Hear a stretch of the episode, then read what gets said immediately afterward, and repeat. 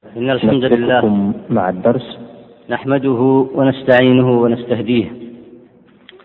ونعوذ بالله من شرور أنفسنا ومن سيئات أعمالنا.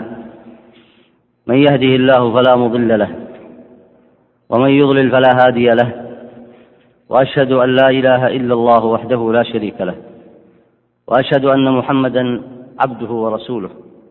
اللهم صل وسلم وبارك على عبدك ورسولك محمد. وعلى آله وصحبه وسلم تسليما كثيرا.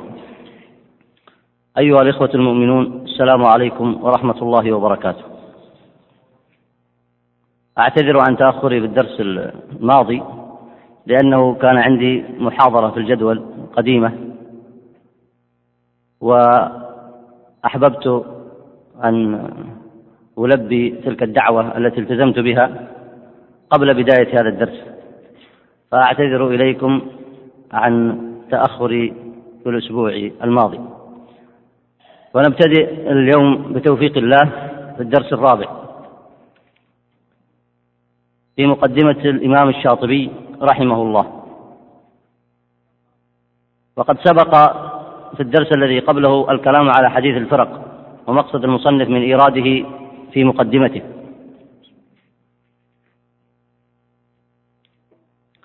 وقصد به كما سبق بيان الغربة التي تقع لأهل الإسلام. الأمر الثالث ما أكد عليه المصنف كما سبق من أن العبرة بالدليل واتباع السنة وليست العبرة باتباع الأكثر. ثم أشار أيضا لكيفية زوال الغربة كيف تزول الغربة؟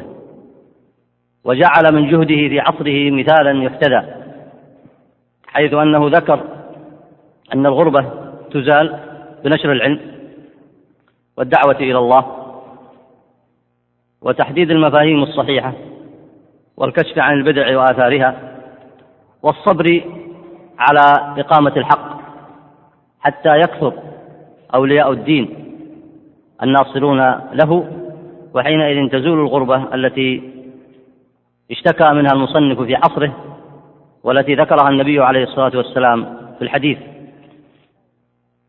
من المسائل التي مضت أيضا في الدرس الذي قبل هذا أن المؤلف يتحدث عن نفسه وكيفية طلبه للعلم وأنه لما طلب العلم كان غريبا في أهل وقته ولكنه صبر واحتسب وثابر حتى رزقه الله ما رزقه من العلم.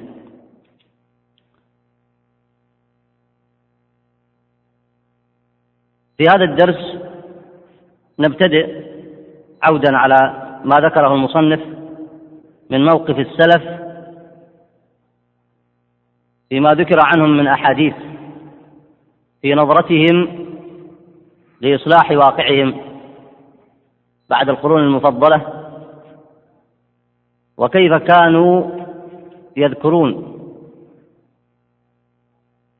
ذلك الواقع عندما كانوا ينظرون إلى إصلاح ما وقع من الخلل فيه وهو إن لم يكن خللا في الأصول والاعتقاد لكنه خلل بدأ يتطرق إلى المجتمع الإسلامي فكانوا يخافون ذلك ويسعون في إصلاحه ثم نذكر في هذا الدرس شبه وردت على المؤلف وأقاويل وكيف أجاب عنها. ثم نختم إن شاء الله. ببيان طريقة المؤلف في جمع وتأليف كتابه. اقرأ بارك الله فيك من صفحة 25 حديث أبي الدرداء أنه قال لو خرج رسول الله صلى الله عليه وسلم عليكم ما عرف شيئا مما كان عليه هو وأصحابه. بسم الله الرحمن الرحيم. قال المصنف رحمه الله كما روي عن أبي الدرداء أنه قال لو خرج رسول الله صلى الله عليه وسلم عليكم ما عرف شيئا مما كان عليه هو وأصحابه إلا الصلاة. قال الأوزاعي فكيف لو كان اليوم؟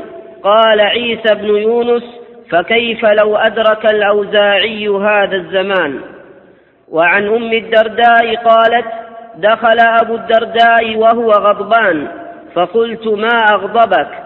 فقال والله ما أعرف فيهم شيئا من أمر محمد صلى الله عليه وسلم إلا أنهم يصلون جميعا. وعن أنس بن مالك قال ما أعرف منكم ما كنت أعهده على عهد رسول الله صلى الله عليه وسلم غير قولكم لا إله إلا الله.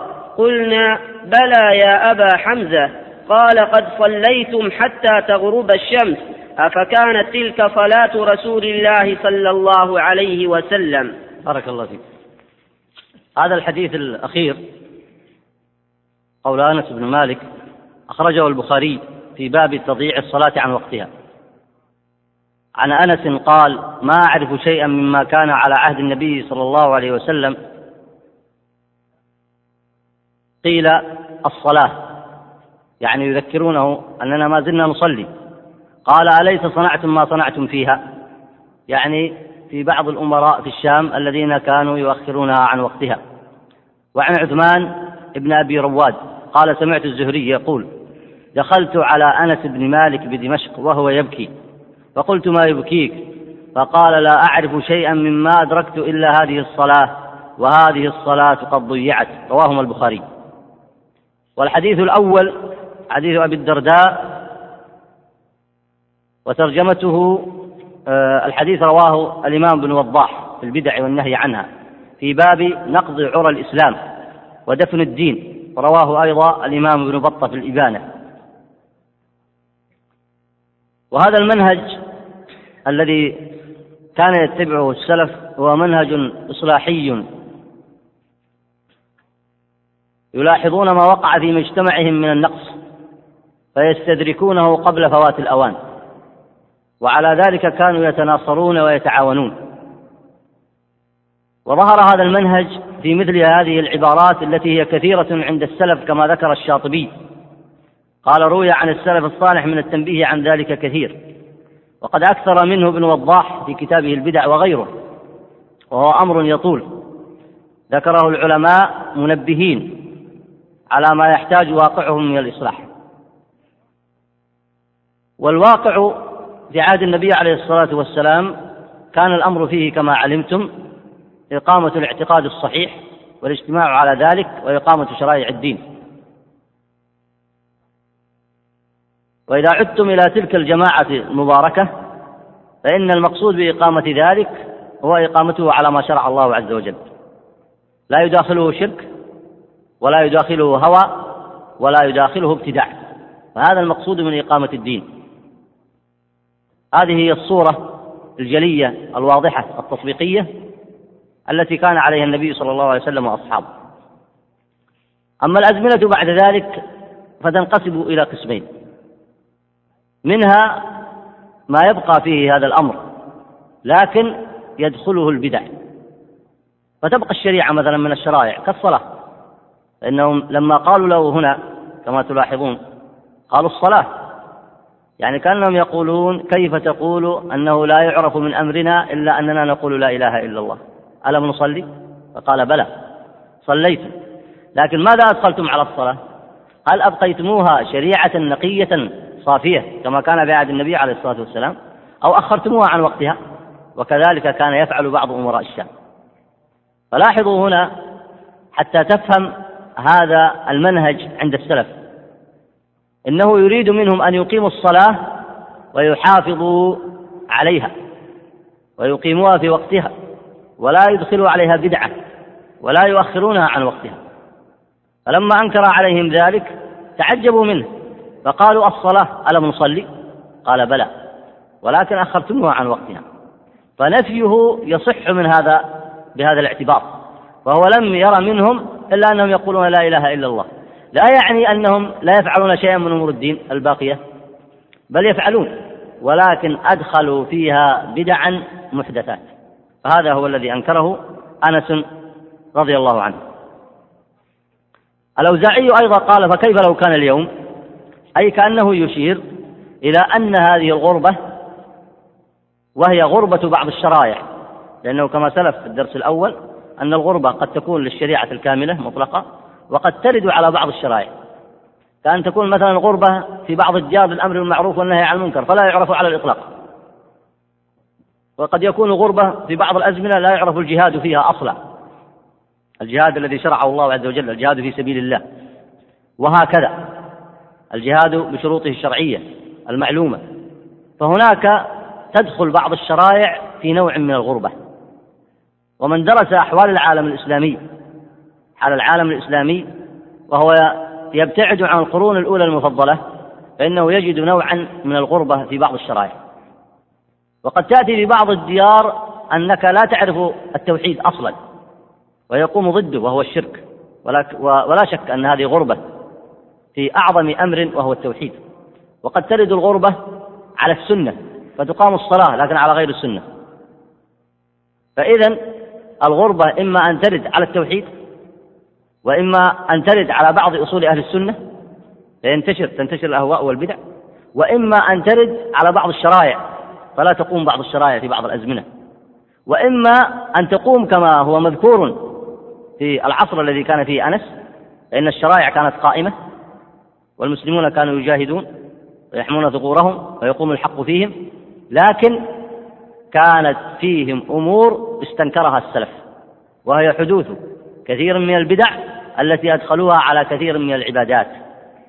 فهنا كان السلف حريصين على محاربة هذا النوع من الانحراف وإن كان هذا الانحراف بدأ بالتدريج لكنهم كانوا حريصين على محاربته وحريصين على تصحيحه ويستعملون في ذلك منهجا قويا وهو هذا المنهج المذكور. يبلغ إلى هذا القول لا أعرف فيكم شيئا من أمر محمد.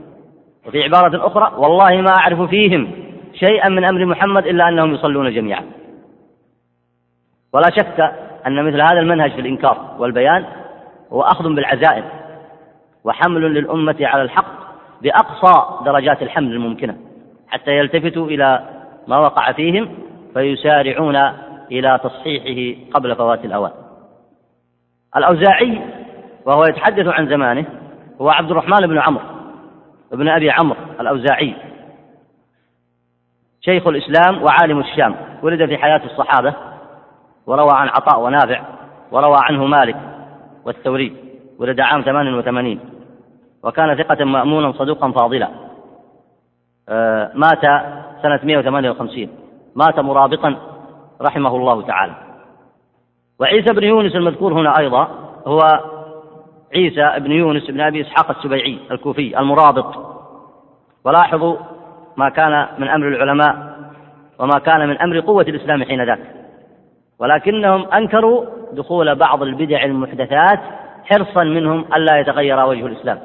حتى وإن كانت هذه البدع لا يستنكرها كثير من الخلق إلا أن العلماء المصلحين العلماء الربانيون كانوا ينظرون إلى هذا الأمر نظرة فيها تهيب وفيها تخوف لأنه لا ينقص أمر الإسلام إلا بهذه الأسباب فلا يزال يدخل عليهم النقص ولذلك ذكرها ابن وضاح في باب نقض عرى الإسلام. إذا دخلت البدع المحدثات وغيرت بعض المسائل في الدين وإن بقي أصل الشرع بقيت الصلاة لكنهم غيروا فيها من حيث تأخيرها عن وقتها وقد يغيرون في بعض الأمور الأخرى وإن كان كثير من الناس يستسهل ذلك إلا أنه مع طول الزمان ينقلب إلى نقض بعض عراء الإسلام. اقرأ بارك الله فيك. وعن أنس قال لو أن رجلا أدرك السلف الأول ثم بعث اليوم ما عرف من الإسلام شيئا. قال ووضع يده على خده ثم قال إلا هذه الصلاة. يعني ما عرف الإسلام بصورته النقية الصافية التي كان عليها النبي عليه الصلاة والسلام وأصحابه. فهذا نوع لا شك مما استغربه السلف وشددوا فيه وهو منهج قوي في الوعظ والتعليم والتربية والخطابة ويكفي أنه منهج تميز عند السلف والقائل به ليس هو الواحد أو الاثنين أو الثلاثة بل القائلون به كثير وهو منهج لا يصلح للعامة والتربية إلا هو. أما إذا أخذ مع الناس بالرخص وهونت عليهم الأمور فإنهم لا يزالون يتتابعون على البدع المحدثات لأنه لا ينزعون عنها إلا بمثل هذا البيان القوي. وهذا قليل من كثير إلا فإنه منتشر مثل هذا البيان في طريقة السلف رحمهم الله. هنا لما قال ما عرف من الإسلام شيئا أي أدخلتموه وإن أبقيتموه أبقيتم شرائعه وعملتم به لكنكم أدخلتم بدعا محدثات. غيرت وجهه في كثير من مسائله. أما إذا كان الأمر أشد وهو أن تغيب بعض الشرائع بحيث لا تقوم فلا شك أن هذه غربة أشد وانحراف أقوى وأخطر. طيب اقرأ بارك الله فيك. ثم قال أما والله على ذلك لمن عاش في هذه النكر ولم يدرك ذلك السلف الصالح. لاحظوا هنا ذلك السلف الصالح. لم يقل لم يدرك السلف الصالح لأن أنس كان منهم من السلف الصالح. لكنه يشير على يشير إلى من سبقه. ولذلك قال ذلك يشير إلى من سبقه وإلا فهو منهم. والزمان الذي كان فيه كان زمان خير. ولكن كما أسلفت لكم حرص السلف رضوان الله عليهم ألا تغير شريعة من الشرائع ولو في التطبيق ولو في الزيادة في بعضها. أو إدخال البدع المحدثات عليها كان ذلك بالنسبة لهم أمر شديد يحتاج إلى مثل هذا التنبيه. فرأى مبتدعا يدعو إلى بدعته ورأى صاحب دنيا يدعو إلى دنياه فعصمه الله عن ذلك وجعل قلبه يحن إلى ذلك السلف الصالح. جعل قلبه بالضم أيوه. وجعل قلبه. قلبه يحن إلى ذلك السلف الصالح يسأل عن سبلهم ويقتص آثارهم ويتبع سبيلهم ليعوض أجرا عظيما. وكذلك فكونوا إن شاء الله. هذه وصية مباركة. إذا أردت أن تأخذ الدين صحيحا نقيا تأخذه حينما شرع وتأخذه في الوقت الذي بعث فيه النبي عليه الصلاة والسلام فجاء بها طاهرة نقية أو تأخذه في متأخر الزمان. لما كثر فيه القيل والقال والبدع والانحراف والزيادة والنقص. ولذلك قال فكونوا كذا فكذلك فكونوا إن شاء الله. أي فكونوا في تعلم العلم فلا تعلمون من العلم إلا العلم الصحيح. والاقتداء فلا تقتدون إلا بالسلف الأول. والعزيمة في أخذ الحق فاتبعوا من مات على تلك السنة الراشدة الواضحة البينة. فكذلك فكونوا إن شاء الله.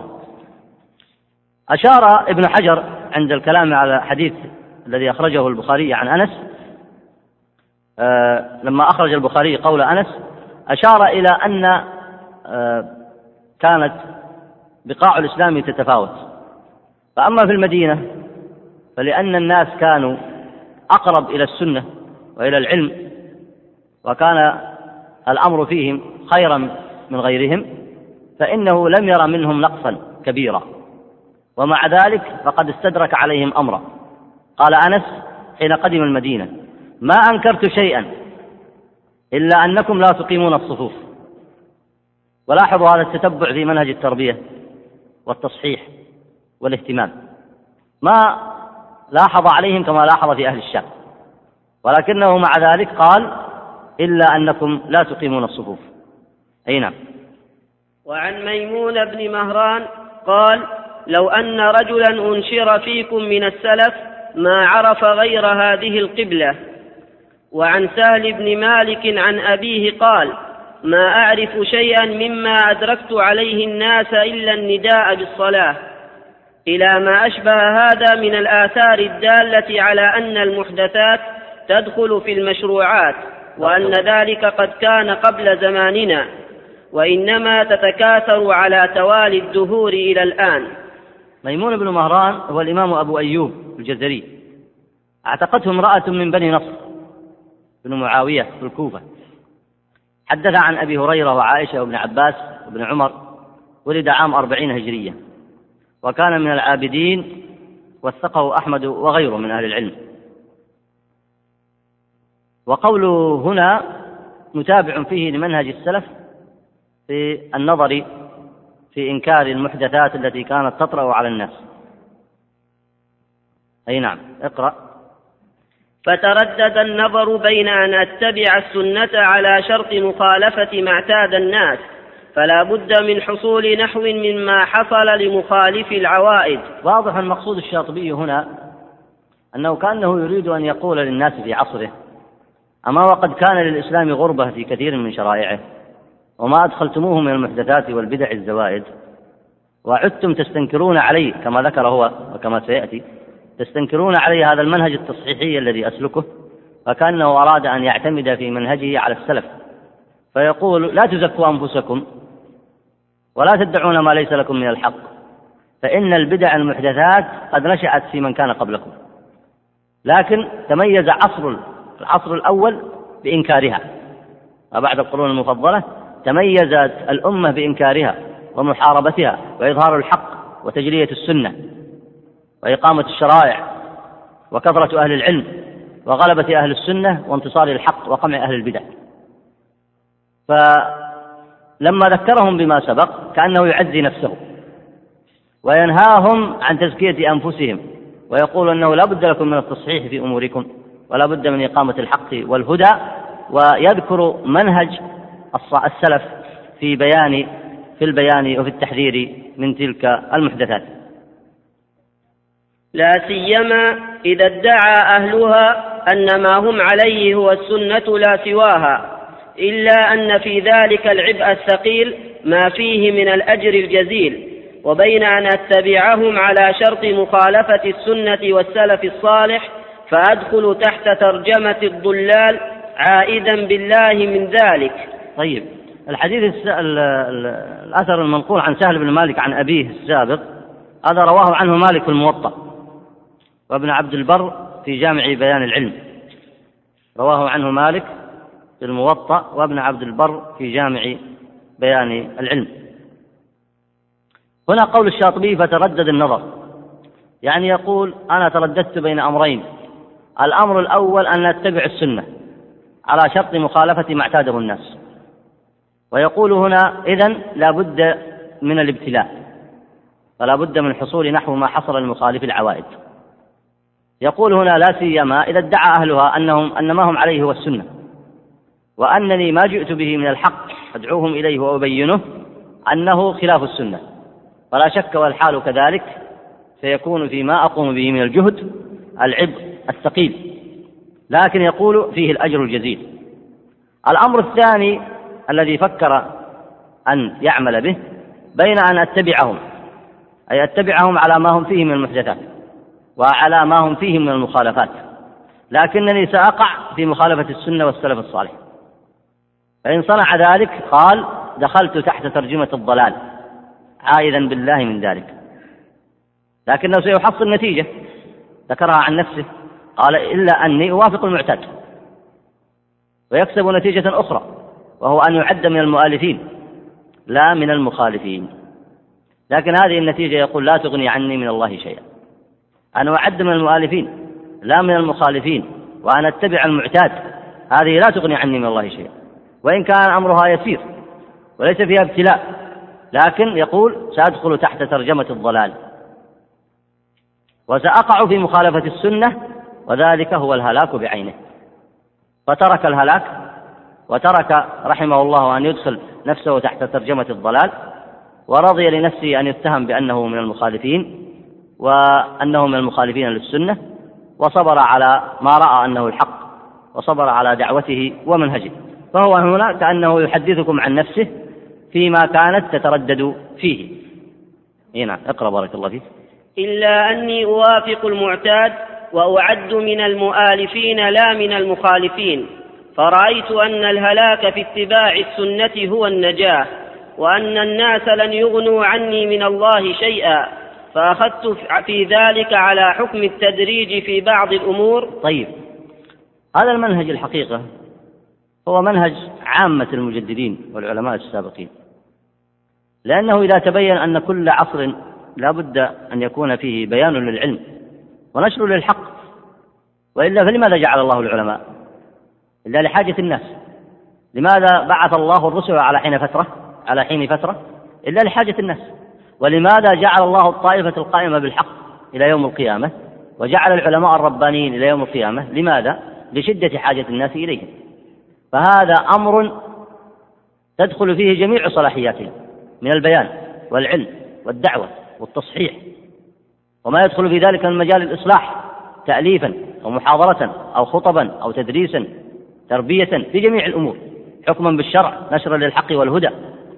فإذا كانت مهمة هؤلاء العلماء هو تصحيح الواقع فإنه لا يصح أن يكون هذا الواقع قيدا عليهم.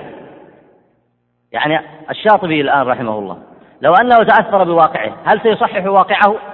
أم سيتأثر بواقعه؟ فإذا هذا الواقع بطبيعته مع امتداد العصور أمر فطري يحتاج إلى تصحيح. فمعنى هذا أن الأصل أن يصحح هذا الواقع لا أن يكون هذا الواقع هو الذي يصحح أفكار الناس ويصحح مفاهيمهم.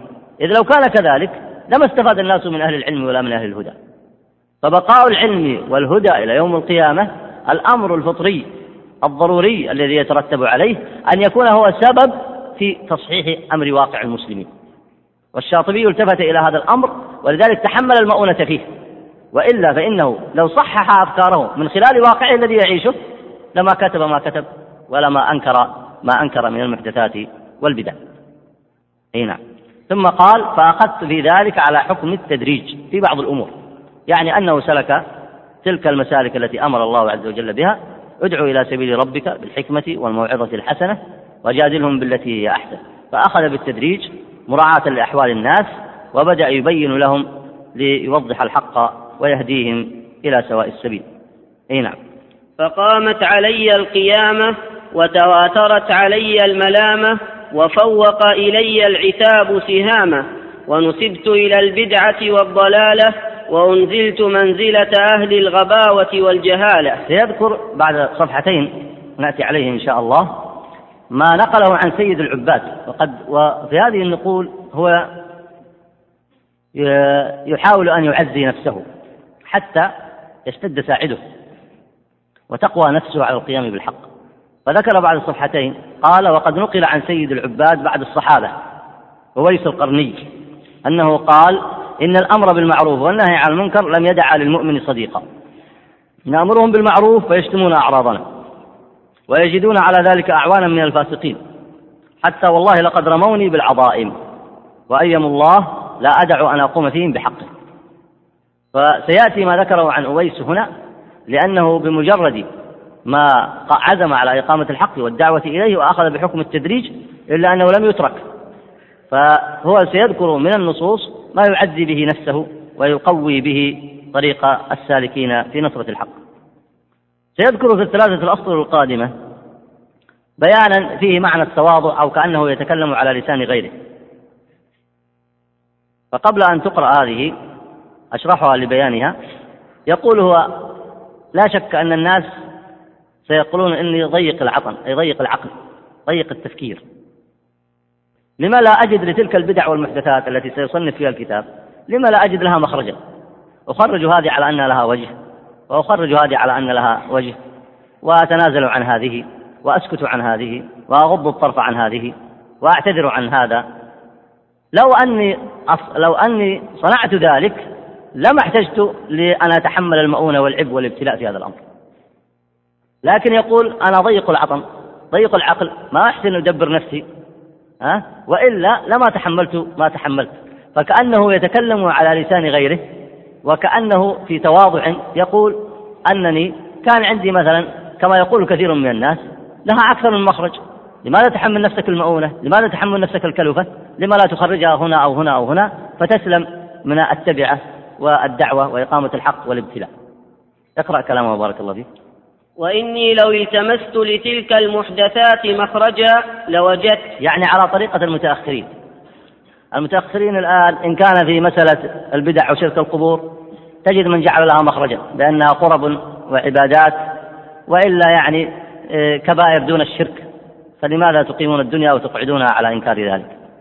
وجاء آخرون يخرجون بعض الانحرافات الموجودة في القوانين الوضعية في أمور كثيرة من الشرائع. هذه ضرورة وهذه كذا والعصر قد تغير وكذا وكذا وحتى في كثير من البدع.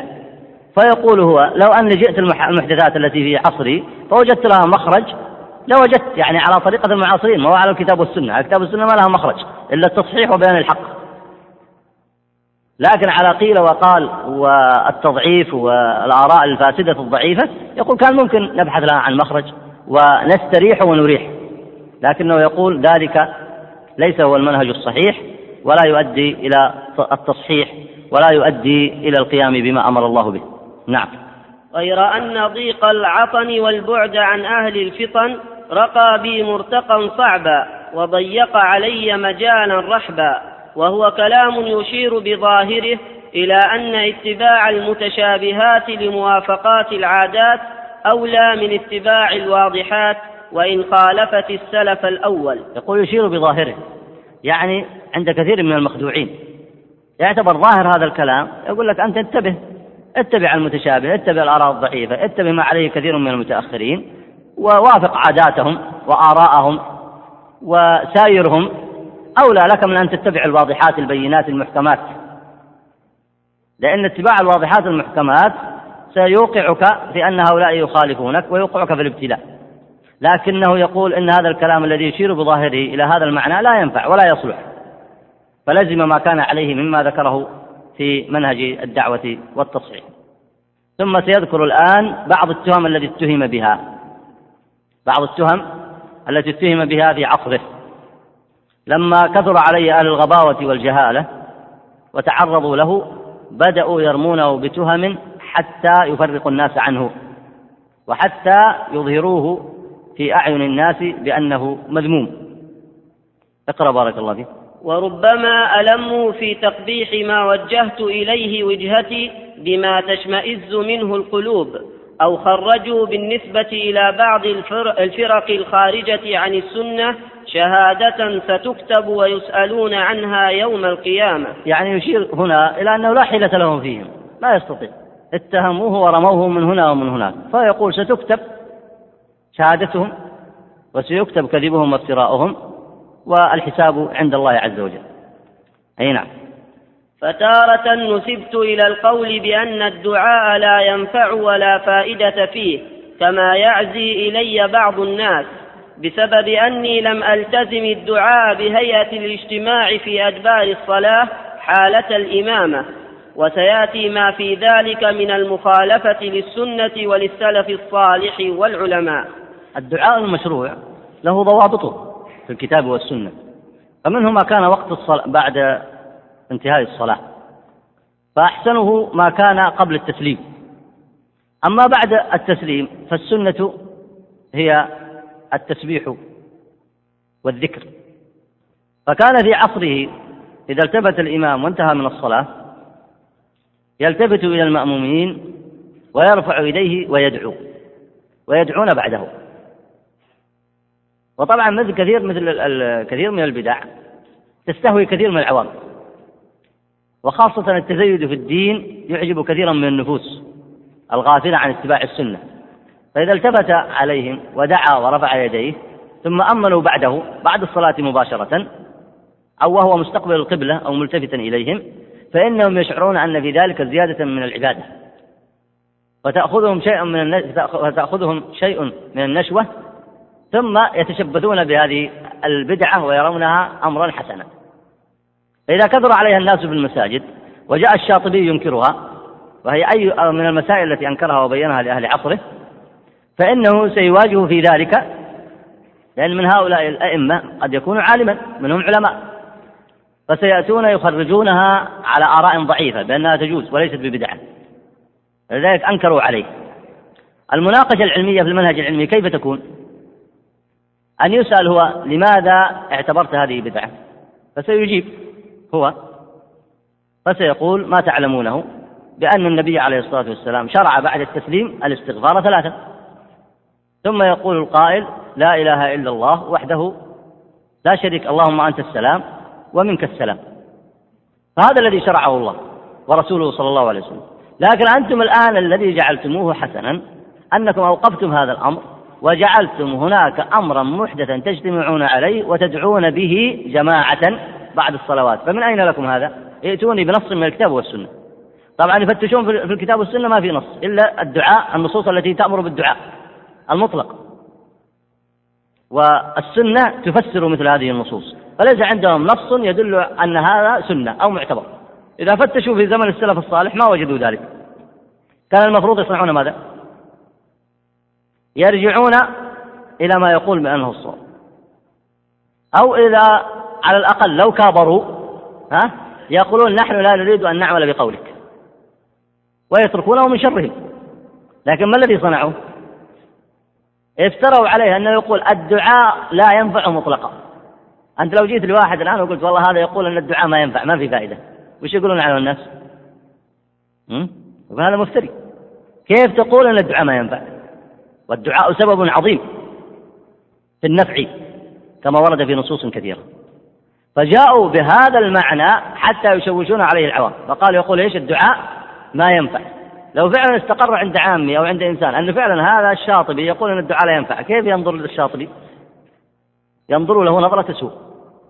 فهي نوع من المخاتلات والاتهامات واضح فيها ها إن صح التعبير اللف والدوران وواضح فيها اقتناص الفرصة للتشويش على آه، الشخص وهو لا يستحق ذلك. ولذلك يقول هذه عظيمة من العظائم أنهم يتهموني بمثل ذلك. أي نعم. وتارة نسبت إلى الرفض وبغض الصحابة رضي الله عنهم بسبب أني لم ألتزم ذكر الخلفاء الراشدين منهم في الخطبة على الخصوص إذ لم يكن ذلك من شأن السلف في خطبهم. ولا ذكره أحد من العلماء المعتبرين في أجزاء الخطب. وقد سئل أصبغ عن دعاء الخطيب للخلفاء المتقدمين فقال هو بدعة ولا ينبغي العمل به وأحسنه أن يدعو للمسلمين عامة. قيل له فدعاؤه للغزاة والمرابطين قال ما أرى به بأسا عند الحاجة إليه وأما أن يكون شيئا يصمد له في خطبته دائما فإني أكره ذلك. ونص أيضا عز الدين بن عبد السلام على أن الدعاء للخلفاء في الخطبة بدعة غير محبوبة. هذه المسألة الثانية التي اتهم بها رحمه الله. الدعاء في الخطبة اتفق السلف أن الدعاء المشروع هو ما كان لعامة المسلمين. ما كان لعامة المسلمين أن يدعو للمسلمين والمسلمات والمؤمنين والمؤمنات الأحياء منهم والأموات. هذا أصل متفق عليه. يدل عليه ما ورد من النصوص في شرعية هذا الأمر.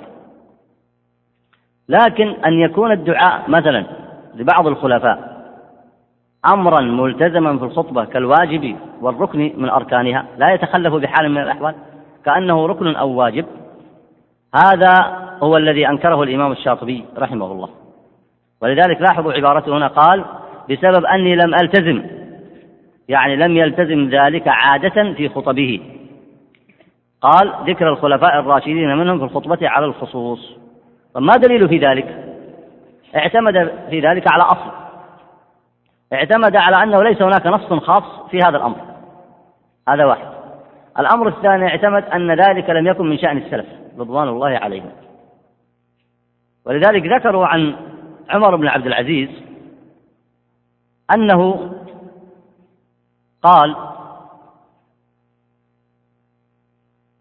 كتب للأمصار ألا يذكر في الخطبة وإنما يدعى له مع سائر المسلمين والمؤمنين فإن يكن منهم يدخل في دعائهم. فهذه وقائع تطبيقية مشهورة عند السلف رضوان الله عليهم. فالشاطبي لما جاء بهذا الأمر كان المفروض أن ينظروا في دليله وينظروا في حجته ويناقشونه من حيث الحجة. ولذلك هو اعتمد أيضا على ما هو منقول في مذهب مالك لأن أصبغ هذا من المالكية وهو من تلامذة ممن أخذ المذهب عن مالك. هو أصبغ, أصبغ بن الفرج بن سعيد بن نافع. مولى عبد العزيز بن مروان. كان كاتب ابن الوهب. روى عنه الذهلي والبخاري وابن وضاح. كان فقيها حسن القياس عالما بمذهب مالك. نافح عن السنة ورد على أهل الأهواء. توفي بمصر عام 225 فهو اعتمد على قوله فيما ذكره عن دعاء الخطيب للخلفاء المتقدمين. فقال هو بدعة ولا ينبغي العمل به. وأحسنه أن يدعو للمسلمين. فلما سئل قال للغزاة والمرابطين والمجاهدين قال لا بأس. يعني يدخلون في عموم المسلمين ولا بأس بإفرادهم لكن لا يجعل ذلك في كل خطبة من خطبه. ثم ذكر كلام العز بن عبد السلام. كان يكفي أن يقبلوا قوله أو أن يردوه. إن قبلوه بدليله فقد وافقوه في اجتهاده فيما نقله عن السلف. فيكون هنا زال الخلاف بينهم وبينه. وهذا منهج علمي واضح. وافقت هذا المجتهد على ما ينقله عن السلف فيكون بهذا وافقته على هذه المسألة. وإن خالفته فأنت سمعت الآن أنه نقل أدلة على نقولا من السلف على رأيه. فلا أقل أن يكون في ذلك إيش؟ مجتهد. له أجر المجتهدين. إن أصاب فله أجران وإن أخطأ فله أجر. فإذا خرجت عن هذا المنهج العلمي فجئت كما كان يقولون عنه في عصره إذا أنت تبغض الصحابة. إذا أنت تبغض الصحابة. ما دمت تقول أن الدعاء للخلفاء الراشدين بدعة فأنت إذا تبغضهم. وما دمت تبغضهم فأنت إذا إيش؟ رافضي. سلسلة الاتهامات هذه لا يقبلها المنهج العلمي الصحيح. أنت الآن أمام إنسان يقول لك هذا اجتهادي وهذا دليلي وهذا ما رأيت أنه الحق. فأنت بين أحد أمرين إن نظرت في دليله فاستحسنته ورأيت أنه يوافق الشرع لزمك أن تأخذ به. وإن كنت لم ترى صحته فعلى الأقل أنت أمام استدلال علمي. جاء لك بأصل المسألة عند السلف وذكره لك فلا أقل أن يكون مجتهدا لا يخلو إما أن يكون مصيبا وإما أن يكون مخطئا. فله الأجران في الأول وله الأجر في الثاني. فكيف تنقل هذه النقلة السريعة لتدخله في أهل الأهواء والبدع وفي أعلاهم وفي أخسهم درجة وهم الرافضة وقربتهم إلى الكفر قاب قوسين أو أدنى أو كفرته بذلك. هل هذا المنهج يتناسب مع منهج العلم والحوار ومنهج الكتاب والسنة ومنهج الدليل الصحيح؟ هذه المسألة الصواب فيها أنها مسألة خلافية. وذكر شيخ الإسلام فيها تفصيلا. ونقل فيها رحمه الله وغيره أن السلف كانوا رضوان الله عليهم تارة يدعون وتارة يتركون. يعني منهم من يدعو ومنهم من يترك. والأصل في هذه المسألة أنه ينظر فيها كما نقل شيخ الإسلام. قال لما طرأ أهل البدع بآرائهم وطعنوا في الصحابة لما طرأ أهل البدع وطعنوا في الصحابة فإنه احتيج إلى ذكرهم في الخطب والتنبيه على فضلهم. فإن من أهل البدع من ناصب أبا بكر من رفض أبا بكر وعمر وهم الرافضة. ومنهم من ناصب عليا العداء كالخوارج. ومنهم من قال في عثمان رضي الله عنه ما قال وقد كذبوا في كل ذلك. فاحتيج الأمر انتشار هذه البدع أن يذكروا في الخطب مرتبين تارة ويدعى لهم تارة أخرى لبيان فضلهم ولبيان منزلتهم وردا على أهل البدع والأهواء. وحينئذ فالأمر لا بأس به. لكن يبقى الأمر كما ذكر الشاطبي وغيره من حيث أنه لا يصمد لذلك مطلقا في كل خطبة على أن يبقى الدعاء للخطباء آه، للخلفاء والولاة أن يبقى شرطا أو ركنا لا تصح الخطبة إلا به وأن يتخذ سببا لاتهام الناس فإن هذا ليس بسبيل الراشد. فما قيل عن الشاطبي بأنه لما ترك الدعاء بأنه رافضي أو بأنه يكره الصحابة والتابعين أو بأنه لا يريد أن يدعو لهم هذا كلام غير صحيح. بل قد يكون الشاطبي وهو كذلك وغيره من أهل السنة يكثرون الدعاء للخلق. ويدعون لهم فإن هذا ليس بسبيل الراشد. فما قيل عن الشاطبي بأنه لما ترك الدعاء بأنه رافضي أو بأنه يكره الصحابة والتابعين أو بأنه لا يريد أن يدعو لهم هذا كلام غير صحيح. بل قد يكون الشاطبي وهو كذلك وغيره من أهل السنة يكثرون الدعاء للخلق ويدعون لهم بالسر ويذكرون فضائلهم ويدعون لهم وذلك هو الخير آه، المشروع الذي شرعه الله عز وجل. ولا بأس من ذكر الخلفاء في الخطب بحسب الحاجة كما ذكر كثير من أهل العلم. وتارة أضيف سيأتي معكم طبعا في الكلام على الفرق لكن تذكر هنا لأن في هذا الموضع وينبغي للإخوة أن يهتموا بالكتاب لأنه لأن بعض الطوائف التي سيأتي الكلام فيها لن يعاد إذا كرر آه، إيرادها بعد ذلك. الرافضة هم الشيعة من الإمامية والاثنى عشرية. والإسماعيلية. ويعتقدون أن علي رضي الله عنه أولى بالإمامة وأنه استحق ذلك بالوصية والتعيين من رسول الله صلى الله عليه وسلم. وقد عدوا الأئمة بعد رسول الله صلى الله عليه وسلم اثني عشر مبتدئين بعلي ثم بأبنائه. وسموا رافضة لأنهم رفضوا نصرة زيد بن علي من أتباع من أبناء علي. رضي الله عنه رفضوا نصرته لأنه تولى الشيخين. ذكرهما بخير أبا بكر وعمر ورفضوه وتركوا نصرته فسموا من ذلك الحين رافضة. أي نعم. وتارة أضيف إلي القول بجواز القيام على الأئمة وما أضافوه إلا من عدم ذكرهم في الخطبة. وذكرهم فيها محدث لم يكن عليه من تقدم. هذه هي نفس المسألة السابقة. لأن المنهج العلمي يقتضي أن لا يتهم بمثل هذه التهمة. اتهم بمذهب الخوارج الآن. لما قالوا لو أضيف إلي القوم بجواز القيام على الأئمة اتهموه بمذهب الخوارج. وفي الأول اتهموه بمذهب إيش؟ الرافضة. وكلاهما اتهامان باطلان لا يستقيمان مع منهج البحث العلمي والنظر الشرعي الصحيح. أي نعم. وتارة حمل علي التزام الحرج والتنطع في الدين وإنما حملهم على ذلك أني التزمت في التكليف والفتيا الحمل على مشهور المذهب الملتزم لا أتعداه وهم يتعدونه ويفتون بما يسهل على السائل ويوافق هواه وإن كان شاذا في المذهب الملتزم أو في غيره وأئمة أهل العلم على خلاف ذلك. وللمسألة بسط في كتاب الموافقات. وتارة هذه المسألة أيضا اتهم بأنه متنطع أنه متشدد أنه يذهب إلى طرف ويغالي. سبب ذلك طبعا هنا أن له منهج في الفتية. فقبل أن تعرف منهج الشاطبي وتقايسه على الصواب ما هو المنهج الصحيح في الفتية؟ أن يذكر الجواب. تفضل. اتباع الدليل. وهذا ما أجمع عليه السلف. وأجمع عليه الأئمة الأربعة. ومن إليهم من أهل العلم المشهورين. أن الفتيا الحمل فيها على الدليل من كتاب الله وسنة النبي عليه الصلاة والسلام. أليس المفتي يريد أن يخبره بمراد الله عز وجل؟ أليس المفتي يريد أن يخبره بمقصد الشرع؟ فمن أين يعلم مقصد الشرع؟ من الدليل من الكتاب والسنة. فمن كان يعرف الدليل عمل به في نفسه وأفتى به غيره. ومن كان لا يعرفه سأل عنه أهل العلم فعرفوه. فاسألوا أهل الذكر إن كنتم لا تعلمون.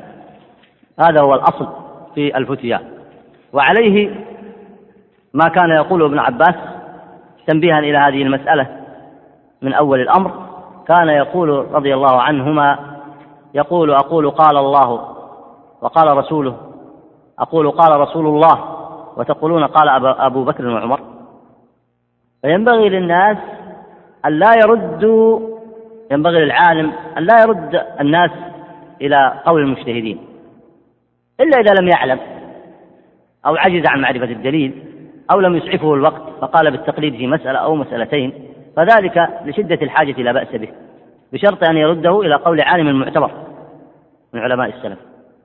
لكن ليس الأصل هو الضيق والاستثناء وعدم المقدرة بل العالم الأصل فيه الرجوع إلى الكتاب والسنة. فيفتي الناس بأمر واضح بين من قول الله وقول رسول الله صلى الله عليه وسلم. وإذا علم الإجماع له أيضا أن يستند إليه والمقصود إجماع الصحابة وإجماع السلف رضوان الله عليهم. أما أن يفتيهم بقول فلان أو علان أو بما يقوله بعض المتأخرين أو أن يفتيهم بدليل عقلي أو يفتيهم بغيره في مورد النص فهذا لا عبرة به. هذا هو الأصل في الفتيا وعليه طريقة السلف في الإفتاء. عليه طريقة السلف رضوان الله عليهم من الصحابة والتابعين في الإفتاء. فقد علم عنهم أنهم يفتون بمقتضى الدليل الشرعي. بقي النظر كيف تدرج المجتمع الإسلامي والعالم الإسلامي في مسألة الإفتاء. من الناس من انتقل عن هذه المرتبة الوضيئة البينة الواضحة.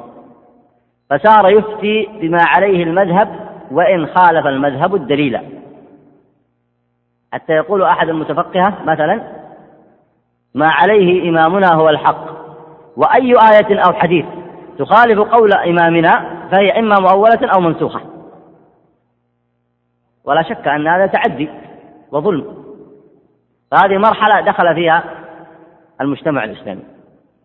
ثم جاء دور المتعصبة الذي يستند على قول أبي حنيفة مثلا ويرد قول الشافعي ويأتي آخر فيستند على قول الشافعي ويرد قول مالك.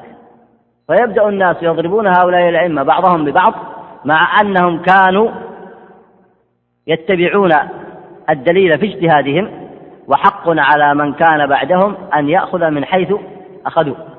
ولذلك من مذهب هؤلاء اتباع الدليل والالتزام بقول الصحابة. ولا شك أن هذا منهج راشد في, في, في, في آه الإفتاء.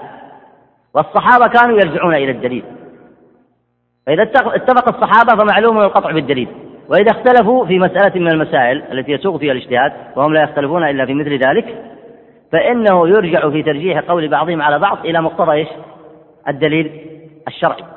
هذه الصورة الصحيحة التي كانت في أول أحوال المجتمع الإسلامي.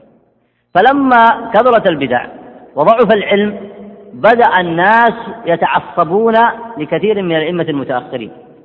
فجاء زمان كما يذكره الشاطبي في وقته وهذه مرحلة ثالثة أنهم لا يتعصبون للأئمة الأربعة بل يجاوزون ما يقول ما يقوله الإمام في المذهب. ولناخذ تطبيق الآن على المالكية. وممكن أن تقيس ذلك على بقية المذاهب. فيأتون في قول مالك ما يأخذون به كما قاله بل يأخذون به من خلال نظرة المتأخرين لهذا القول. فإذا جاء المتأخرون أولوا هذا القول أو فصلوا فيه أو نظروا فيه أو خرجوا عليه مسائل أو غير ذلك وقد يضعفون القول ويذهبون إلى سواه مخالفة له. فإذا عندك الآن ثلاثة مراحل. قد يتعصب إلى ما يقوله الأئمة الأربعة وفي هذا نظر كما سلف لأن الأصل هو الدليل. وقد تأتي مرحلة أضعف كما هي عند المتأخرين فيتعصبون للمتأخرين من أتباع الأئمة الأربعة الذين قد يخالفون الأئمة الأربعة في كثير من أقوالهم. ولا يعجب أحد من أحد منكم من ذلك. لأنه إذا بدأ الأسلوب في الانحدار في التعلم فإنه يصل إلى مثل هذا الحال. وأضرب لكم مثالا واحدا. ليس في المسائل الجزئية فذلك كثير. بل أضرب لكم في أمر يتعلق بالاعتقاد. أليس كثيرا؟ ممن يقعون في البدع والأهواء. وما يصرفونه من العبادات عند القبور. أليس هذا يقول أنه شافعي؟ وهذا يقول أنه حنبلي كما كان في وقت الشيخ محمد عبد الوهاب. ومنهم من يقول أنه مالكي ومنهم من يقول أنه حنفي. ومنهم أصحاب المذهب يفتونهم بأن ذلك من القربات وأن ذلك من دعاء الصالحين. ألم يقع هذا الأمر؟ هو واقع موجود. ما حجة هؤلاء؟ لو أن هذا الشافعي اعتمد قول قول الشافعي هل يبقى عند هذه البدع أو يقوم عنها؟ يقوم عنها لأن المذهب الشافعي في إنكار ذلك معلوم. ولو أنه سمع لأبي حنيفة لقام من هذه البدع والشركيات. وكذلك لو سمع هذا الحنبلي لقول أحمد وذلك آه، المالكي لقول مالك لما بقي عند القبور. ولذلك في وقت الشيخ محمد بن عبد الوهاب وجد من العلماء من هؤلاء الطوائف من يحاولون أن يزينوا للناس الشرك والبدع والأهواء. فإذا المرحلة تستمر إلى الانحدار. فما الذي يردها إلى أصلها؟ أن يرجع الناس في التعليم والحمل في الفتية على طريقة السلف. وهذا منهج يحتاج إلى تصحيح ويحتاج إلى صبر. والشاطبي هنا اتهم بأنه متنطع متشدد يحمل الناس على الحرج في الدين. لأنه ترك أن يتساهل معهم ويفتيهم بجواز ما هم عليه وأراد أن يحملهم على ما كان عليه مالك رحمه الله. ومالك من أعلام السنة كما تعلمون. وهذا يبين لأهل العلم ولطلاب العلم أن الأمة تحتاج إلى تجديد في كل شيء في الاعتقاد في طريقة التعلم في أصول الفقه في الفتيا في كل شيء.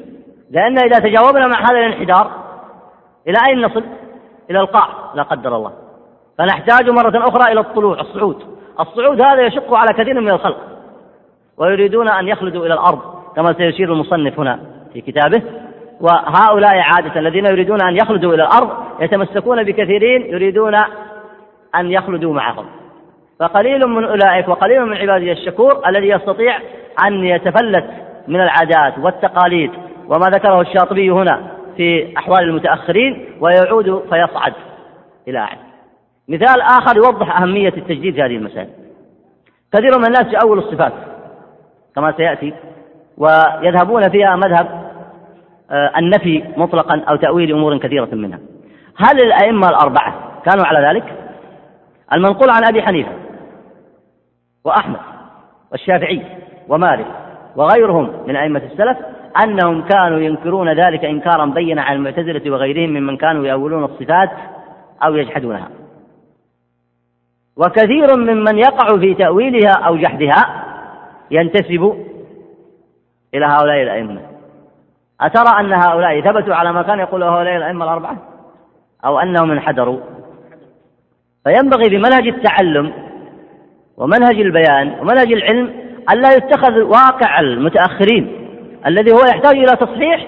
لا يمكن أن تتخذ هذا الواقع المريض أن تتخذه علاجا. ما يمكن أن تتعالج بالمرض. وإنما تتعالج بماذا؟ بالدواء. فتأتي لتعالج هذا الواقع وتعالج نفسك على ضوء الدواء الصحيح البين النافع الشافي وهو ما ورد في الكتاب والسنة. هذا مثال من الأمثلة في مسألة الفتوى وفي مسألة البدع والشركيات وفي مسألة البدع المتعلقة بمسألة الصفات.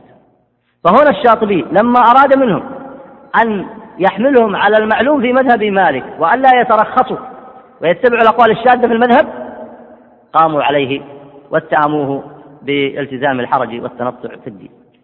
طبعا كان المفروض في المنهج العلمي الصحيح أنهم يقولون آه عليك باتباع ما يقوله مالك والزم القول المشهور في مذهبه أما نحن فسنأخذ بقول المتأخرين. حتى وإن كانوا أخطأوا على أنفسهم في ذلك إلا أنهم على الأقل حموا ألسنتهم من قول الباطل واتهام رجل في عقيدته ومنهجه يقولون أنه متنطع ويحمل الناس على الحرج والشدة. طيب. وتارة نسبت إلى معاداة أولياء الله وسبب ذلك أني عاديت بعض الفقراء المبتدعين المخالفين للسنة المنتصبين بزعمهم لهداية الخلق وتكلمت للجمهور على جملة من أحوال هؤلاء الذين نسبوا أنفسهم إلى الصوفية ولم يتشبهوا بهم. سيكون المصنف هنا إطلاقان للتصوف. وهي مسألة يبدو أن له بها عناية كبيرة. حتى أنه كما سيأتي عزم على أن يؤلف في ذلك كتابا. يكشف به عما كان عليه الزهاد والعباد أمثال الحسن البصري ومن إليهم من علماء السلف. وهذا المنهج الذي أراد أن يتبعه اجتهاد منه في تصحيح واقع التصوف وما دخل فيه من البدع والأهواء. فكأنه أراد أن يقول له أن يقول لهم إذا كنتم المتأخرين تريدون أن تدخلوا في هذه البدع والأهواء وأنتم تزعمون للناس أنكم تريدون الزهد والعبادة والولاية فإني سأدلكم على طريق الولاية والزهد والعبادة. هؤلاء كثير من أئمتكم الذين تذكرونهم كالحسن البصري وغيره زهاد عباد معلوم معلوم خبرهم في الأمة ولكنهم كانوا قائمين على السنة. هذه فكرة الشاطبي في أن يكتب للقوم كتابا يدلهم فيه على الصواب. هل سينجح في فكرته هذه؟ هل يستطيع أن يرتبها ترتيبا دقيقا؟ هذا أمر آخر. وعلى أي حال يبدو أنه لم يكتب هذا الكتاب. وهذا الكتاب ليس بموجود وليس في كلامه ما يدل على أنه كتبه لكن كان ذلك في نيته. أما ما ذكره في الاعتصام هنا أو في الموافقات فلا شك أن له جهد تصحيحي. للمنهج الذي وقع في الانحراف عند أهل التصوف. وهذا الجهد منه فيه خير كثير. وهناك أمور تلاحظ على هذا الجهد سيأتي ذكرها إن شاء الله في موضعها من الكتاب. المقصود التنبيه هنا على أنه جعل نظرته للصوفية مبنية على أمرين واستعمل مصطلحا خاصا به فسمى الحسن البصري ومن تابعه على السنة سماهم الصوفية الأول. وسمى المتأخرين من الفقراء والمتعبدين الذين وقعوا في البدع والانحرافات أيضا يطلق عليهم لفظ التصوف.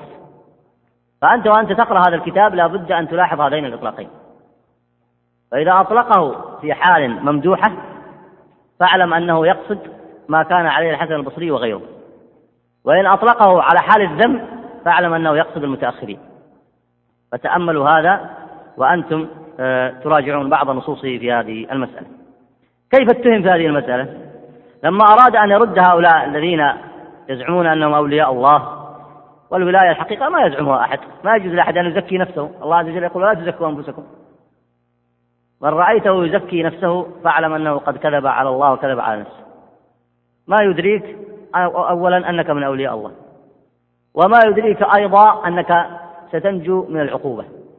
ولذلك حق على الأولياء الصالحين أنهم كانوا يخشون الله عز وجل. ولذلك مدحهم الله في القرآن. وذكر الله أوصافهم لنتأسى بهم. إن الذين هم من خشية ربهم مشفقون. والذين هم بآيات ربهم يؤمنون. من يطمع في هذه الأوصاف؟ الذين هم بآيات ربهم يؤمنون بآيات ربهم كلها. والذين هم بربهم لا يشركون لا الأكبر ولا الأصغر. والذين يؤتون ما آتوا وقلوبهم وجلة أنهم إلى ربهم راجعون. يتصدقون على بعض القراءات وبعضها يؤتون ما أتوا أو يعملون وقلوبهم وجلة خائفة أنهم راجعون إلى الله خائفون من عقوبته. لأنهم يخشون أنهم لم يشكروه حق شكره ولم يعبدوه حق عبادته. هذه صورة المصطفين الأخيار. أولياء الله عز وجل. ما زكوا أنفسهم؟ خشوا على أنفسهم. وأما في واقع السلف فكثير. كثر فيهم البكاؤون وكثر فيهم الذين يخافون على أنفسهم النفاق. إذا جاء الناس يزكون أنفسهم اعرف أنهم بدأوا ينحدرون. ويحاولون أن يجعلون يغطون هذا الانحدار بالتزكية. يتفلت من التكاليف ويزعم أنه إنسان يتصدق وأنه يصنع كذا وأنه يصنع يتفلت من التكاليف يعمل كذا يخالف عن الشريعة ويزكي نفسه. فهل ترى هذا سيصعد ويصحح أمره ولا سيزال منحدرا؟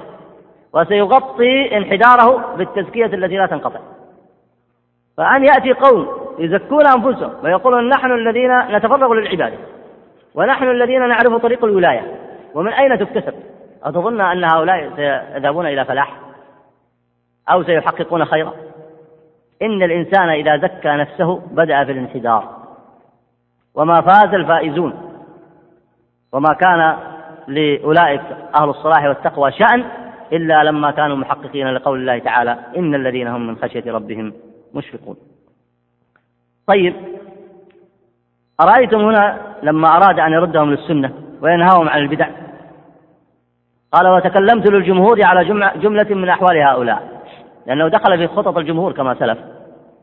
فلما تكلم الجمهور عن ذلك ثاروا عليه. واتهموه بأنه يعادي أولياء الله. ولاحظوا هذه التهمة من جنس التهم السابقة. لو كان هؤلاء عقلاء لقالوا هذا يذكرنا بالسنة والخير فينظرون في دليله. لكن أن ينقلوه إلى معادة أولياء الله؟ من عاد أولياء الله ما حكمه؟ أمر خطير جدا. ولا شك أن مثل هذا الأسلوب هو أسلوب من أسلوب التنفير من جهود هذا العالم في ذلك العصر. أي نعم. وتارة نسبت إلى مخالفة السنة والجماعة بناء منهم على أن الجماعة التي أمر باتباعها وهي الناجية ما عليه العموم. ولم يعلموا أن الجماعة ما كان عليه النبي صلى الله عليه وسلم وأصحابه والتابعون لهم بإحسان وسيأتي بيان ذلك بحول الله. وكذبوا علي في جميع ذلك أو وهموا والحمد لله على كل حال. هذا لا شك من أدبه وعزة نفسه. يقول كذبوا علي أو وهموا. لأن في ناس لا شك أنهم كذبوا عليه. وفي ناس وهموا عليه فإذا خاطب القارئ وخاصة في زمانه فقال هؤلاء كذبوا علي. فقد يرى أناسا فعلا شأنهم الكذب فيقول فعلا هؤلاء يكذبون. لكن قد يرى أناسا فيهم صلاح فيقول معقول هؤلاء يكذبون على الشيخ؟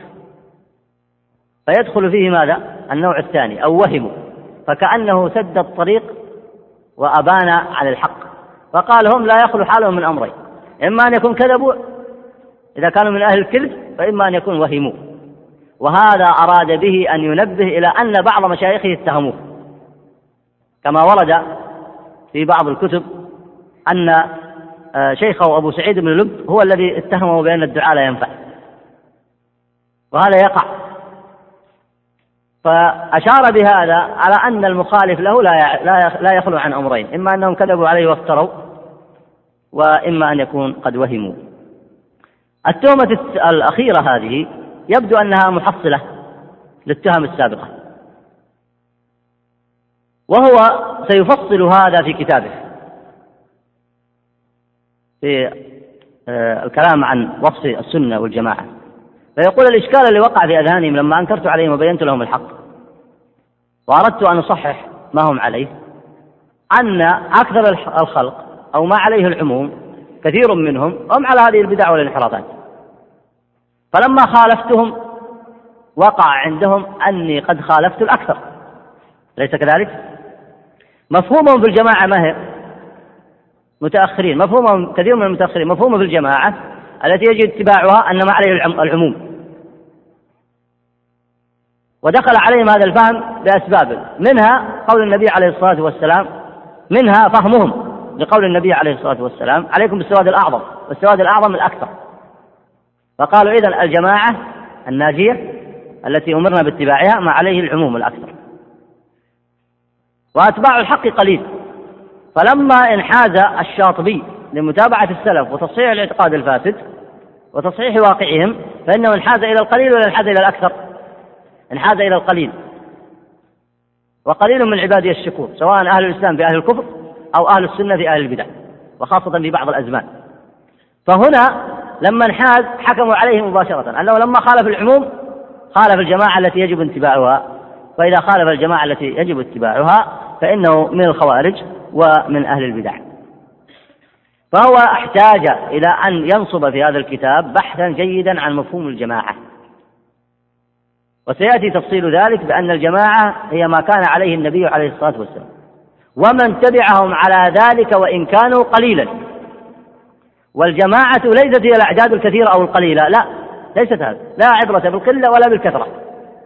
بل الجماعة هي الوصف. والوصف هو وصف السنة والاتباع. ولاحظ وصف السنة يدخل فيه اتباع عقيدة النبي عليه الصلاة والسلام وأحكامه التي كان عليه التي كان عليها. ومعنى الاتباع أي متابعته على ذلك. فعندك الآن وصفان. لاحظوا الآن. وصف السنة ووصف الاتباع. فإذا سألت ما هي السنة يقول في الاعتقاد والأحكام وهي ما كان عليه النبي عليه الصلاة والسلام. ومطلوب منك أن تتبعها. فإذا إذا حققت ذلك لزمت السنة واتبعت أهلها فهم حينئذ الجماعة. قليلا كانوا أو كثيرا. ظاهرين متمكنين أو مغلوب على أمرهم. هذه هي الجماعة. فقال لهم هنا بناء منهم على أن الجماعة التي أمر باتباعها يعني بناء فهمهم من أين جاء؟ في نسبته إلى مخالفة الجماعة. من فين جاء هذا الفهم عندهم؟ بناء منهم على أن الجماعة التي أمر باتباعها وهي الناجية ما عليه العموم أي ما عليه الأكثر. وليس الأمر كذلك. ولم يعلموا يقول يعلم الحق في هذه المسألة وهي أن الجماعة ما كان عليه النبي عليه الصلاة والسلام وأصحابه والتابعون لهم بإحسان. قلوا أو كثروا. فلا عبرة بالقلة والكثرة في هذا الأمر. وسيؤكد هذا في مسائل الإجماع وغيره أن العبرة بأقوال أهل العلم المنتسبين إلى أهل السنة والجماعة. وإلا العبرة بأقوال العوام. ما الجواب؟ العبرة مثلا في عهد السلف ومن بعدهم. بأقوال علماء السلف وإلا بأقوال العوام؟ إذا قلت بأقوال السلف فأنت تركت الأكثر. الأكثر من هم؟ العوام. فإذا العبرة ليست بالكثرة. ولو كانت العبرة بالكثرة لقدم العوام على العلماء. لكن العلماء هم المقدمون ولوصف خاص أيضا. ليسوا علماء البدع والأهواء وإلا هم اللي انتقدوه. وإنما بوصف اتباع السنة ولذلك ميز ميزت الطائفة الناجية بأوصاف كثيرة منها السلف لأنهم هم أتباع النبي عليه الصلاة والسلام. وميزوا أيضا بوصف مرادف وهم أهل السنة والاتباع ومنها أهل السنة والجماعة. وهكذا من هذه الألفاظ المترادفة آه، والمقصود بها هي ملازمة ما كان عليه النبي عليه الصلاة والسلام في أمر السنة والاعتقاد وما والى ذلك من أمر الشرائع واختصاص ذلك الجيل القدوة بلزوم الحق والقيام به. لاحظوا أن في منهج الشاطبي ما يدلكم على شمولية في منهج التصحيح فهو صحح ما يتعلق بالأحكام الجزئية. وصحح ما يتعلق بمسائل الاعتقاد صحح ما يتعلق بمسائل التصوف وصحح أيضا في مجال الفقه وأيضا سيأتي معكم في الكتاب أن له منهج تصحيحي في مسائل كثيرة في أبواب كثيرة من أبواب العلم. أي نعم. كم بقي من الوقت؟ طيب اقرأ آه، قصة آه، الإمام الشهير عبد الرحمن بن بطة. كما ذكره ولعله عبد الله بن بطة الحافظ ونختم به إن شاء الله. قبل ما يقرأ هذا النص أذكر لكم أن هذا النص يحكي واقعا اجتماعيا في عهدهم. وهي إذا تفاوت الناس في مسائل العلم والدعوة اتخذ كثير من الجهال بسبب الحسد أو بسبب البغي والظلم أو بسبب الجهل اتخذوا طريقة ل إن صح التعبير طريقة في الاتهامات بغير دليل. وهذه مشكلة انتشرت في كثير من العصور. سيذكر الشهير هنا ولعله عبد الله بن بطة الحافظ من أهل زمانه آه، سيذكر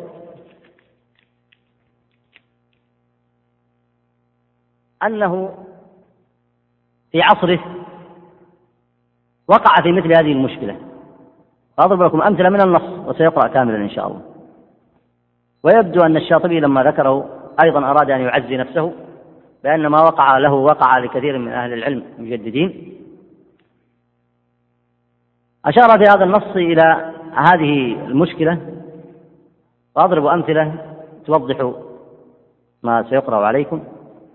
فيقول الإمام الشهير عبد الله بن بطة الحافظ يقول أن كثيرا من الناس من أهل زماني إذا جئت وذكرت للإنسان حديثا في فضائل أبي بكر رضي الله عنه. هل هذا مشروع ولا ممنوع؟ مشروع.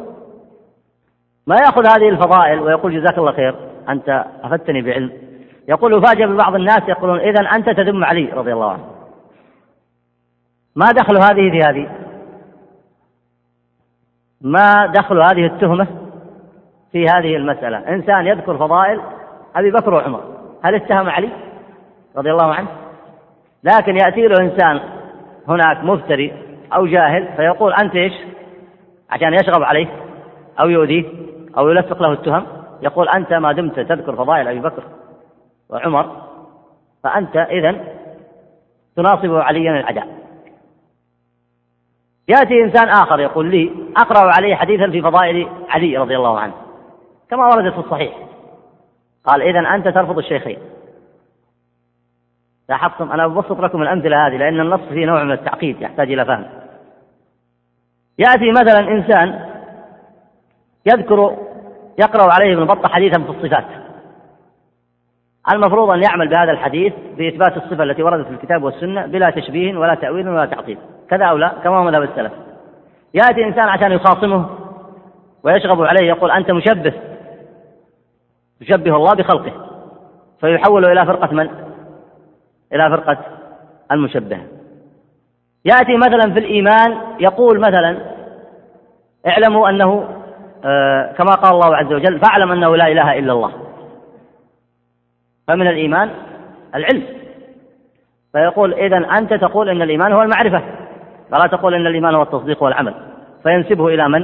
إلى الكرامية. فرقة من الفرق الذين يقولون إن الإيمان هو المعرفة. أورد الشاطبي هذا النص ليقول إن ما وقع لي من الاتهامات ليس غريبا فقد وقع لغيري من قبل في عصر آه، قبل عصري. فاقرأ النص بارك الله فيك. فكنت على حالة تشبه حالة الإمام الشهير عبد الرحمن بن بطة الحافظ مع أهل زمانه إذ حكى عن نفسه فقال عجبت من حالي في سفري وحضري. مع الأقربين مني والأبعدين. آه بارك الله فيك. هو عبد الرحمن بن عبد الله محمد بن إسحاق بن منده ابن بطة ولعل الصواب هو عبد الله. ولعل بعض طلاب أهل العلم بعض طلاب العلم يدقق في هذه المسألة يراجع. هل هو عبد الرحمن بن بطة أو عبد الله؟ من يقوم بهذه المهمة؟ طيب ثلاثة ها؟ بارك الله فيكم آه ابن بطة الأصبهاني إمام المحدث مصنف. كان قويا على أهل البدع آمرا بالمعروف ناهيا عن المنكر مات عام 470 هجرية أي نعم. قال عجبت من حالي في سفري وحضري. أي نعم. مع الأقربين مني والأبعدين والعارفين والمنكرين فإني وجدت بمكة وخرسان وغيرهما من الأماكن أكثر من لقيت بها موافقا أو مخالفا دعاني إلى متابعته على ما يقوله وتصديق قوله والشهادة له فإن كنت صدقت فيما يقول وأجزت له ذلك. إن كنت صدقته.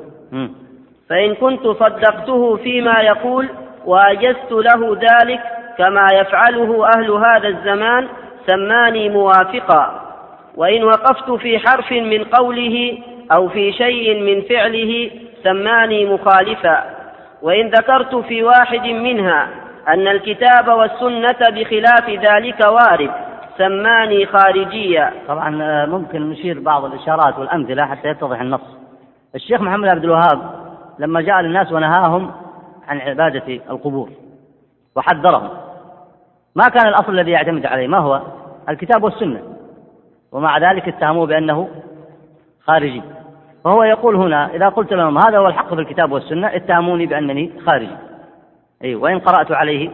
وإن قرأت عليه حديثا في التوحيد سماني مشبها. كما ذكرت لكم آه، يذكر له حديث فيه صفة من صفات الله واردة ثابتة بالكتاب والسنة. قالوا إذا أنت تشبه. وأول ما صدر التشبيه من الروافض من فرق كثيرة منهم.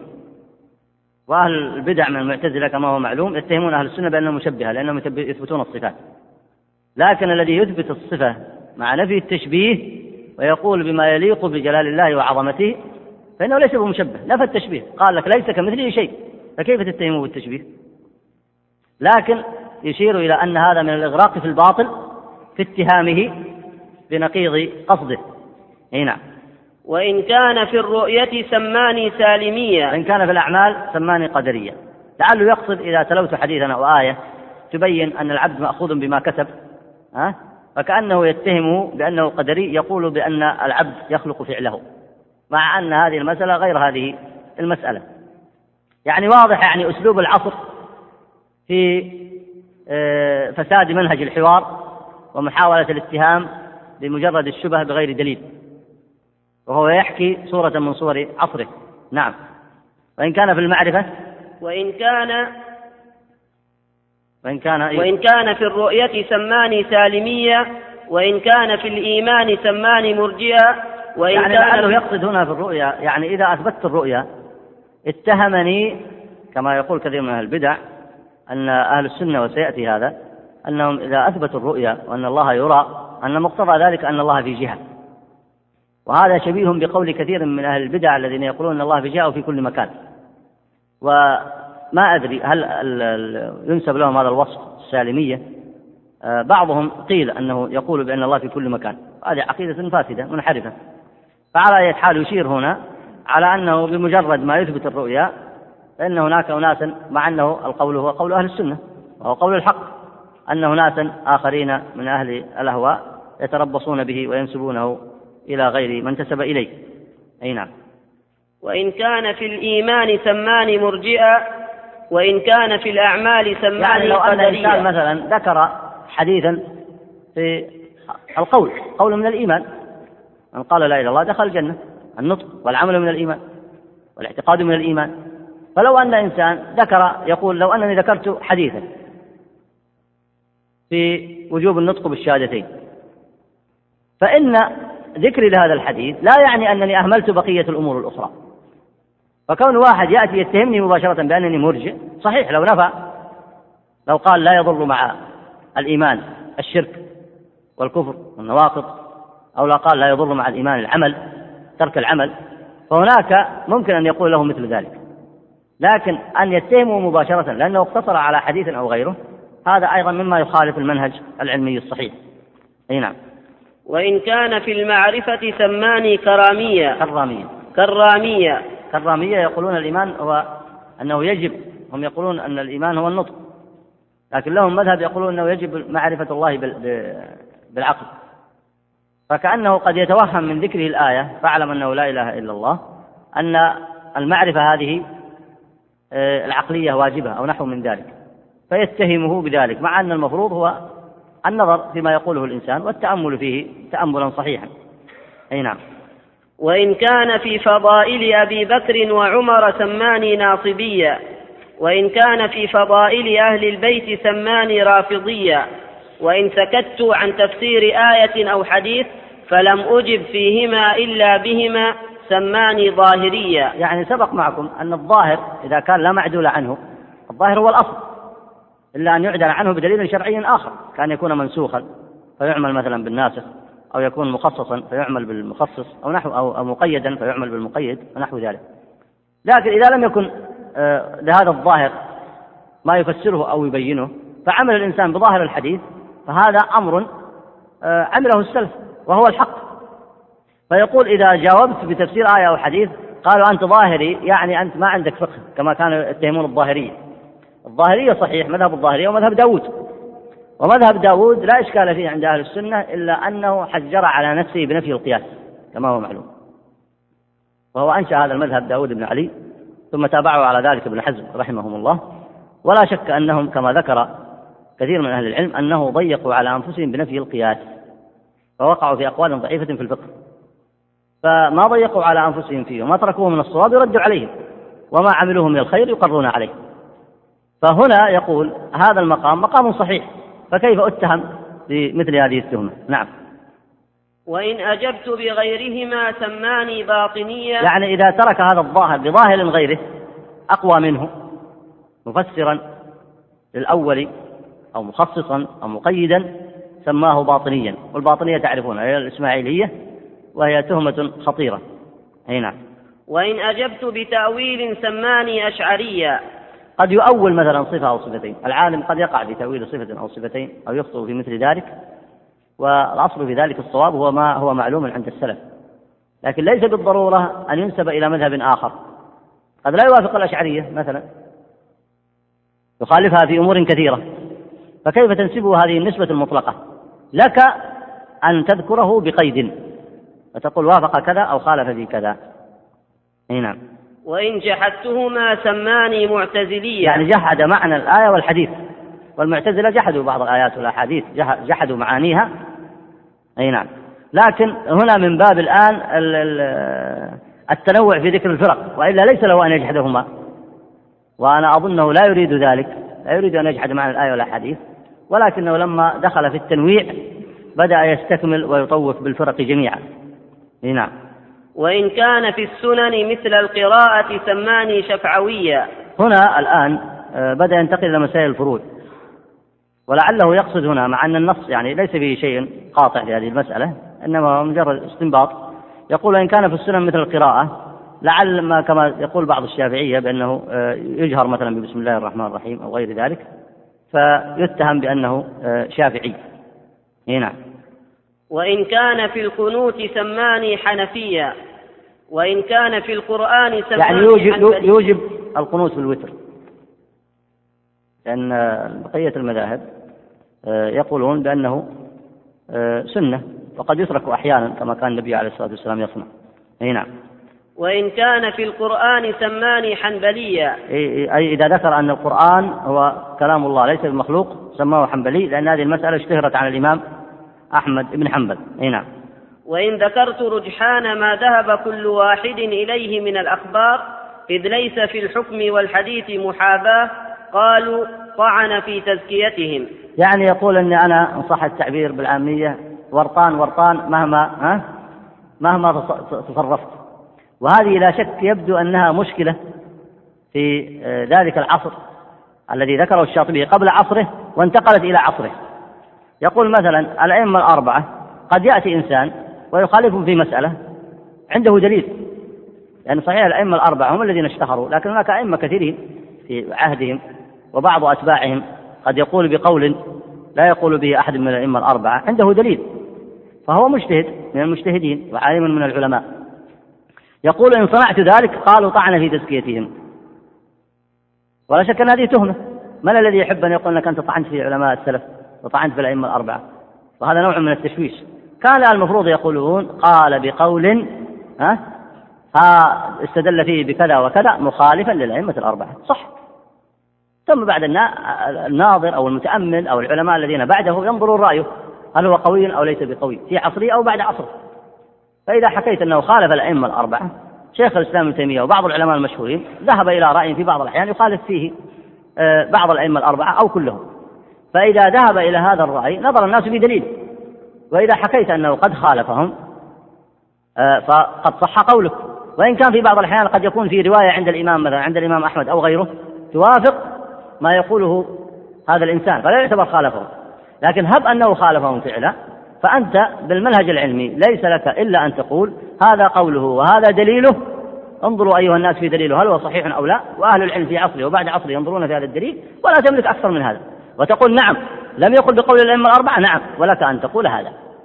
لكن أن تنتقل بعد هذا وتقول طعن في تزكيتهم هذا واضح فيه آه، الاتهامات التي لا تنبني على دليل. أي نعم. ثم أعجب من ذلك أنهم يسمونني فيما يقرؤون علي من أحاديث رسول الله صلى الله عليه وسلم ما يشتهون من هذه الأسامي. ومهما وافقت بعضهم عاداني غيره وإن داهنت جماعتهم أسخطت الله تبارك وتعالى ولن يغنوا عني من الله شيئا وإني مستمسك بالكتاب والسنة وأستغفر الله الذي لا إله إلا هو وهو الغفور الرحيم. نعم. نستغفر الله آه، نتوب إليه وأسأل الله عز وجل لي ولكم التوفيق وأظن الوقت قد انتهى. آه، نستكمل إن شاء الله مقدمة بمشيئة الله في الدرس القادم. إذا تمكنتم من ذلك. ثم أعرض أسئلتكم إن شاء الله آه، التي تتعلق بهذه المقدمة هذا الموضوع حتى يكون هذا الموضوع متكامل إن شاء الله. وآمل منكم أن تراجعوا آه، ما سمعتموه حتى تشاركوا في الإجابة عن هذه الأسئلة. لأنه لا شك أن كثيرا منها يتعلق بالدرس. أو أكثرها فأنتم المعنيون بذلك. إذا كان الجواب موجود في الكتاب أنا لا أجيب عنه. أعرضه عليكم أنتم. يعني هذه الأسئلة أنا أبراجعها كل سؤال فيه جواب في الكتاب أنتم المسؤولون عن الجواب. ولكم أيضا أن تشاركوا في الجواب عن الأسئلة الأخرى. هذا وأستغفر الله وأتوب إليه وأصلي وأسلم على عبده ورسوله محمد وعلى آله وصحبه أجمعين.